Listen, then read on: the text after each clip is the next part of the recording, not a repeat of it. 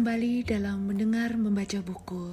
Saya Cahya Dewangga membacakan The Stranger oleh Albe Kamu bagian kedua bab 1.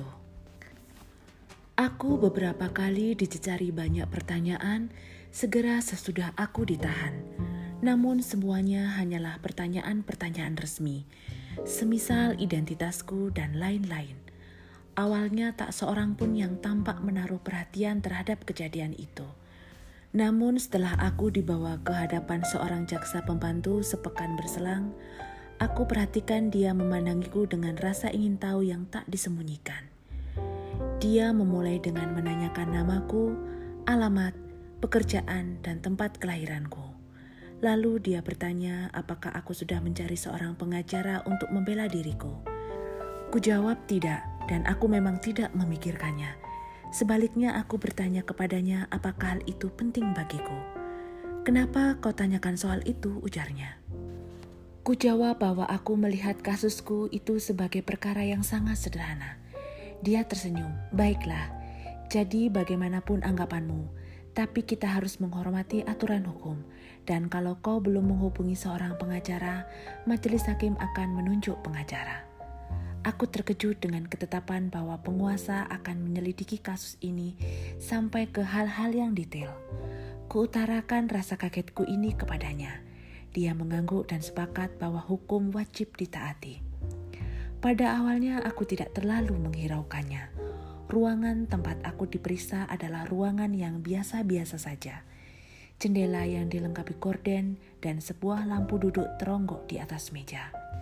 Cahayanya memapas lengan kursi jaksa pembantu yang berhadapan dengan kursi yang kududuki, sedangkan wajahnya terpeleh oleh bayangan. Suasana semacam ini pernah kubaca dalam sebuah buku dan kupandangi sebagai permainan belaka.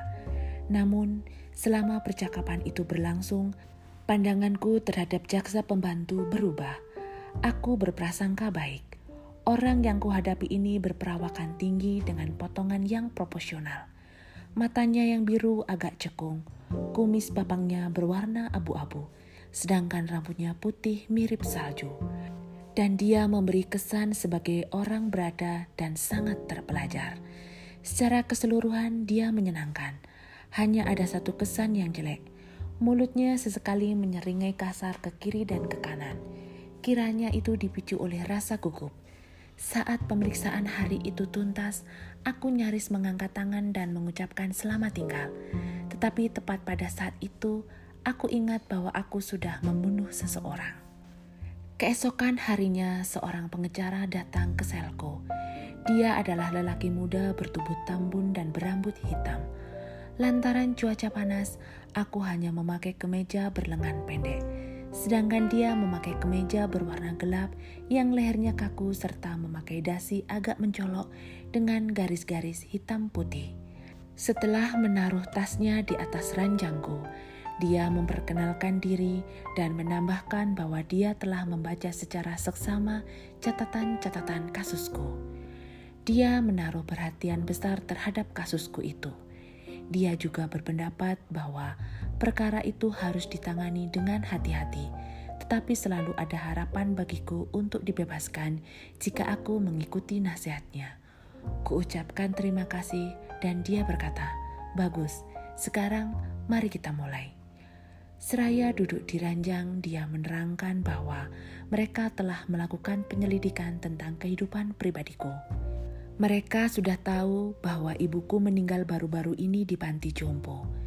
Penyelidikan dilakukan di Marengo dan polisi menerangkan bahwa aku telah memperlihatkan kekerasan hatiku pada saat penguburan itu. Kau harus pahami, kata pengacara itu. Aku tidak suka bertanya soal-soal semacam itu. Namun, masalah itu menjadi penting kecuali kalau aku dapat menemukan jalan untuk menjawab tuduhan keras hati itu.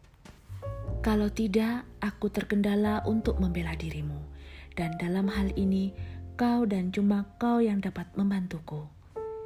Dia melanjutkan pertanyaan dengan menanyakan apakah aku berduka dengan terjadinya peristiwa menyedihkan itu. Pertanyaan ini mengejutkan, terdengar asing di telingaku. Aku malu kalau pertanyaan semacam itu kuajukan kepada orang lain. Ku jawab dengan mengatakan bahwa pada tahun-tahun belakangan ini aku sudah tidak biasa mencatat dan menghayati apa yang kurasakan dan aku kesulitan menjawabnya. Dengan jujur bisa saja kukatakan bahwa aku sangat menyukai ibuku, tetapi itu sungguh tidak ada artinya. Semua orang normal, tambahku setelah merenung, kurang lebih menginginkan kematian orang-orang yang mereka cintai pada suatu hari. Pengacaraku itu menyelaku dengan mata mendelik. Kau harus berjanji kepadaku untuk tidak mengutarakan hal itu di pengadilan atau di depan jaksa penuntut. Aku berjanji untuk memuaskan hatinya, tetapi kukemukakan pula bahwa kondisi fisikku pada waktu-waktu tertentu kerap mempengaruhi perasaan-perasaanku. Misal, pada upacara pemakaman ibuku, aku benar-benar jenuh dan setengah tertidur aku sungguh tidak mampu menghayati apa yang sedang terjadi. Meskipun demikian, aku masih bisa meyakinkan dia bahwa ibuku rasa-rasanya belum meninggal. Namun pengacara itu tampak tidak senang. Itu saja tidak cukup, ujarnya ketus. Lalu selepas dia berpikir sejenak, dia bertanya apakah waktu itu aku masih sanggup mengendalikan perasaanku. Tidak, sautku, itu tidak benar. Dia menatapku dengan tanggapan janggal, seolah-olah aku mengamuk di hadapannya. Kemudian dia menjelaskan dengan nada suara yang bermusuhan bahwa kepala panti jumbo dan beberapa pegawainya akan menjadi saksi dalam perkaraku. Dan itu akan makin memperburuk kasus ini, dia menyimpulkan. Saat kuterangkan kepadanya bahwa kematian ibuku tidak berkaitan sama sekali dengan tuduhan terhadap diriku, dia hanya menungkas bahwa pernyataanku itu menegaskan kalau aku selama ini tidak paham apa-apa tentang hukum. Dia meninggalkan aku dengan kesal Sebenarnya aku ingin dia tinggal agak lama lagi, agar dapat kujelaskan kepadanya bahwa aku sangat mengharapkan simpatinya dan bukan karena semata-mata demi kelancaran tugasnya dalam membela diriku.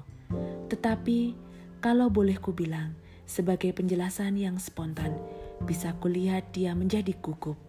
Dia tidak mampu mengorek keterangan dariku, dan secara alamiah itu menjengkelkannya.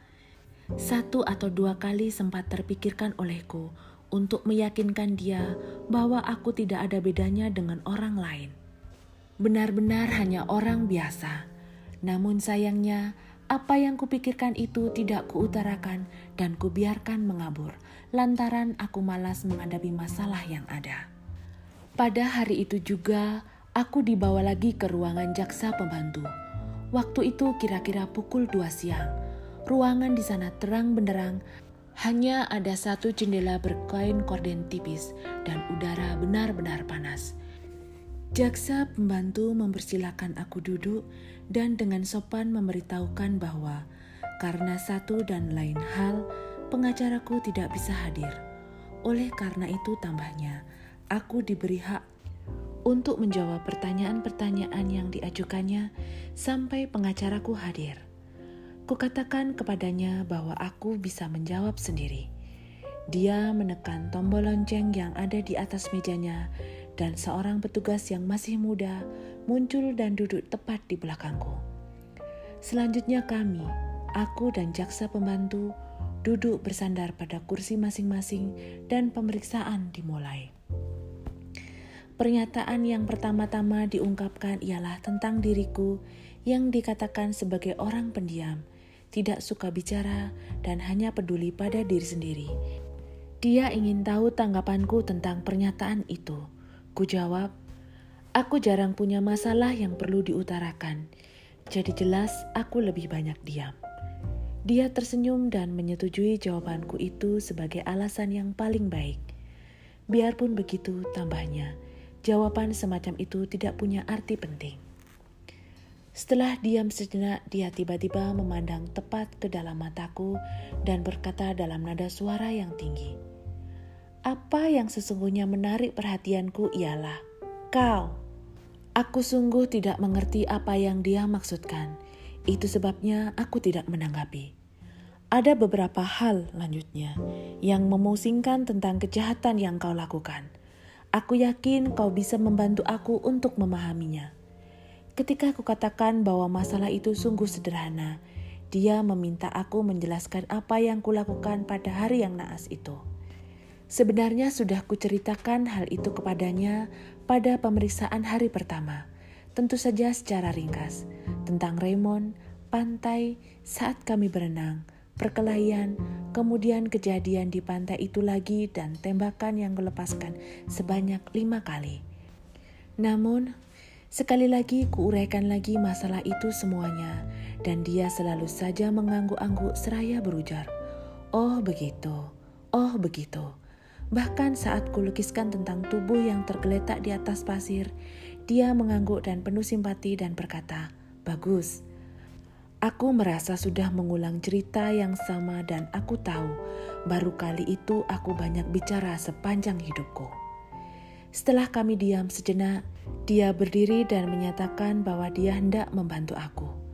Aku tertarik pada kata-katanya itu, dan dengan pertolongan Tuhan, dia akan melakukan sesuatu yang menyangkut perkaraku. Namun sebelumnya dia akan mengajukan lagi beberapa pertanyaan dia mulai dengan menanyakan secara langsung, "Apakah aku mencintai ibuku?" "Iya," jawabku, sebagaimana orang lain. Petugas yang duduk di belakangku pasti sudah salah ketik, sebab ku dengar dia mendorong kembali kepala mesin tik dan memperbaiki ketikan yang keliru. Selanjutnya, tanpa ada kaitan yang logis dengan pertanyaan sebelumnya, jaksa pembantu melontarkan pertanyaan lain. Kenapa kau menembak berturut-turut sampai lima kali? Aku berpikir sebentar, lalu kujelaskan bahwa tembakan itu tidaklah berturut-turut. Awalnya aku menembak satu kali, dan beberapa lama kemudian barulah aku menembak sebanyak empat kali. Kenapa kau berhenti antara tembakan pertama dan kedua? Aku seolah-olah melihat cahaya panas di pantai mengapung di depan mataku dan merasakan napas yang membara menyengat pipiku. Dan kali ini aku tidak memberi jawaban. Ruangan menjadi hening. Dia terlihat resah mengusap-usap rambutnya, kemudian duduk kembali. Akhirnya dia menatapku dengan air muka wajah yang aneh.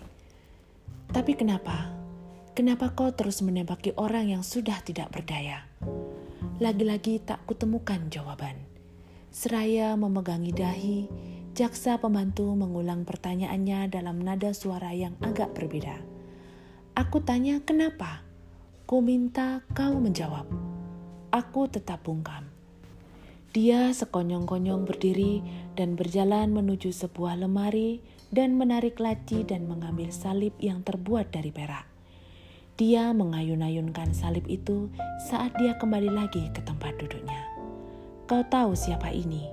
Suaranya berubah sama sekali, bergetar lantaran emosi. Sudah pasti aku tahu, sautku dia tampak bersemangat lagi, dan kini dia bicara dengan agak cepat. Kata dia, dia percaya kepada Tuhan dan bahwa dosa seberat apa pun dapat diampuni Tuhan. Namun, dia harus bertobat terlebih dahulu dan menjadi seperti anak kecil yang dengan hatinya yang bersahaja dan penuh keyakinan pasrah menerima hukuman. Dia menatapku dari balik meja sambil memperlihatkan patung salib itu. Kenyataannya, aku sangat sulit mencerna kata-katanya itu. Ditambah lagi, udara yang betul-betul panas dan seekor lalat besar mendengung di seputar ruangan dan sebentar-sebentar berputar-putar di sekitar pipiku. Dan sebelum lagi sikapnya yang menakut-nakuti aku aku menyadari bahwa sungguh absurd jika aku memikirkan hal ikhwal semacam itu, sebab menurut anggapannya aku adalah penjahat. Itu sebabnya, selagi dia terus mengoceh, aku berusaha sungguh-sungguh memahami duduk persoalan, dan menurut pertimbanganku, hanya ada satu masalah yang benar-benar memerlukan penjelasan, yaitu kenyataan bahwa aku harus menunggu beberapa saat sebelum melakukan tembakan-tembakan berikutnya. Masalah-masalah lain dapat dikatakan tidak begitu sulit. Hanya yang satu itu saja yang sulit. Sudah kukatakan kepadanya bahwa adalah keliru kalau dia tetap bertahan pada persoalan itu, karena persoalan itu sungguh tidak terlalu penting. Namun sebelum kata-kataku terucap, dia menyulurkan kepala dan bertanya apakah aku percaya kepada Tuhan. Ketika ku jawab tidak, dia mengempaskan tubuhnya ke dalam kursi dengan penuh amarah. Tidak mungkin, kumanya. Semua orang percaya kepada Tuhan, bahkan orang-orang yang menolaknya. Dia begitu meyakini hal itu, sehingga dia berkata lagi bahwa apabila ada orang yang melakukan hal itu, maka separuh kehidupannya akan kehilangan arti. Apa kau mau hidupku tidak berarti? Dia bertanya marah. Sungguh aku tidak tahu bagaimana aku bisa memahami hal itu, dan ku coba menjelaskan panjang lebar. Selagi aku bicara, dia menyorongkan lagi patung salib itu ke depan hidungku dan berteriak, Aku, bagaimanapun adalah orang Kristen, aku berdoa kepadanya supaya memaafkan kau atas dosa-dosamu. Oh anak muda yang malang, bagaimana bisa kau tidak percaya kalau dia menderita demi dirimu? Kulihat sikapnya benar-benar menyiratkan kesedihan sewaktu mengucapkan anak muda yang malang. Tetapi aku menganggap hal itu sudah keterlaluan. Ruangan menjadi makin sumpek dan panas. Seperti biasa, kalau aku sudah tidak tahan lagi dan jemu meladeni percakapan, aku lalu pura-pura setuju. Namun aku agak heran saat melihat wajahnya menjadi cerah. Kau tahu? Kau tahu? Dan sekarang apa kau percaya kepadanya dan mau memasrahkan kebenaranmu kepadanya? Aku menggelengkan kepala dan dia serta-merta terhenyak di kursi, tampak lemas dan sedih. Ruangan itu untuk sesaat sepi lagi, hanya bunyi mesin tik yang terdengar selama percakapan itu berlangsung. Kemudian dia memandangku dengan tajam, tetapi diselipi oleh rasa sedih. Dalam seluruh pengalamanku, Aku tidak pernah menjumpai jiwa yang keras sekali sebagaimana jiwamu. Ucapnya dengan nada rendah. Selama ini semua penjahat yang disidang di hadapanku akan menangis kalau mereka melihat simbol penderitaan Tuhan kita ini. Aku ingin menanggapi dengan mengatakan justru karena mereka penjahat. Namun aku lekas menyadari bahwa aku berada pula di tempat itu dalam gambaran yang sama. Paling tidak, Itulah gagasan yang tak pernah mampu kudamaikan. Untuk menunjukkan kiranya bahwa tanya jawab itu sudah selesai, dia berdiri dengan nada suara yang sama. Dia bertanya untuk yang terakhir kali, apakah aku menyesali perbuatanku. Aku mencoba berpikir sebentar. Lalu kukatakan bahwa aku tidak terlampau menyesal kalau perasaan tersebut dibandingkan dengan semacam rasa kesal. Tak mampu kutemukan kata yang tepat untuk mengurai hal itu. Namun agaknya dia tidak paham dan itulah masalah yang dapat kuutarakan pada tanya jawab hari itu. Aku masih dibawa lagi beberapa kali di hadapan jaksa pembantu, tetapi selalu ditemani oleh pengacaraku. Pemeriksaan lebih dipusatkan pada masalah pertanyaan-pertanyaanku yang terdahulu. Dan sesekali jaksa pembantu dan pengacaraku membahas urusan yang bersifat teknis.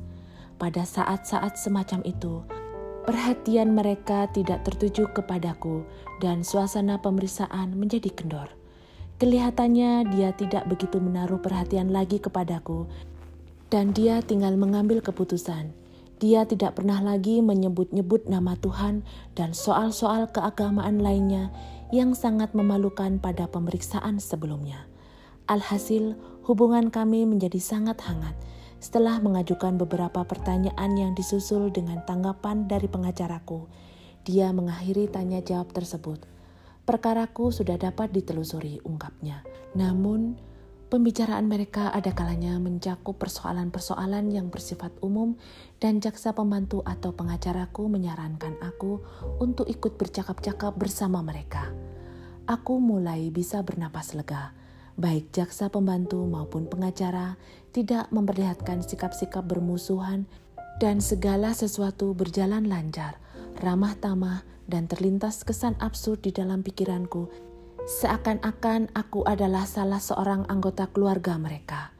Malah dengan jujur dapat kukatakan, selama sebelas bulan akhir-akhir ini, setiap akhir pemeriksaan, aku begitu akrab dengan mereka sehingga kadang-kadang aku merasa menjadi heran pada momen-momen ganjil ketika jaksa pembantu mengantar aku ke pintu kantornya, menepuk bahuku dan berkata dalam nada suara yang bersahabat, Baiklah Tuan Antikristus, sekian dulu untuk hari ini. Sesudah itu aku diserahkan kepada para sipir penjara.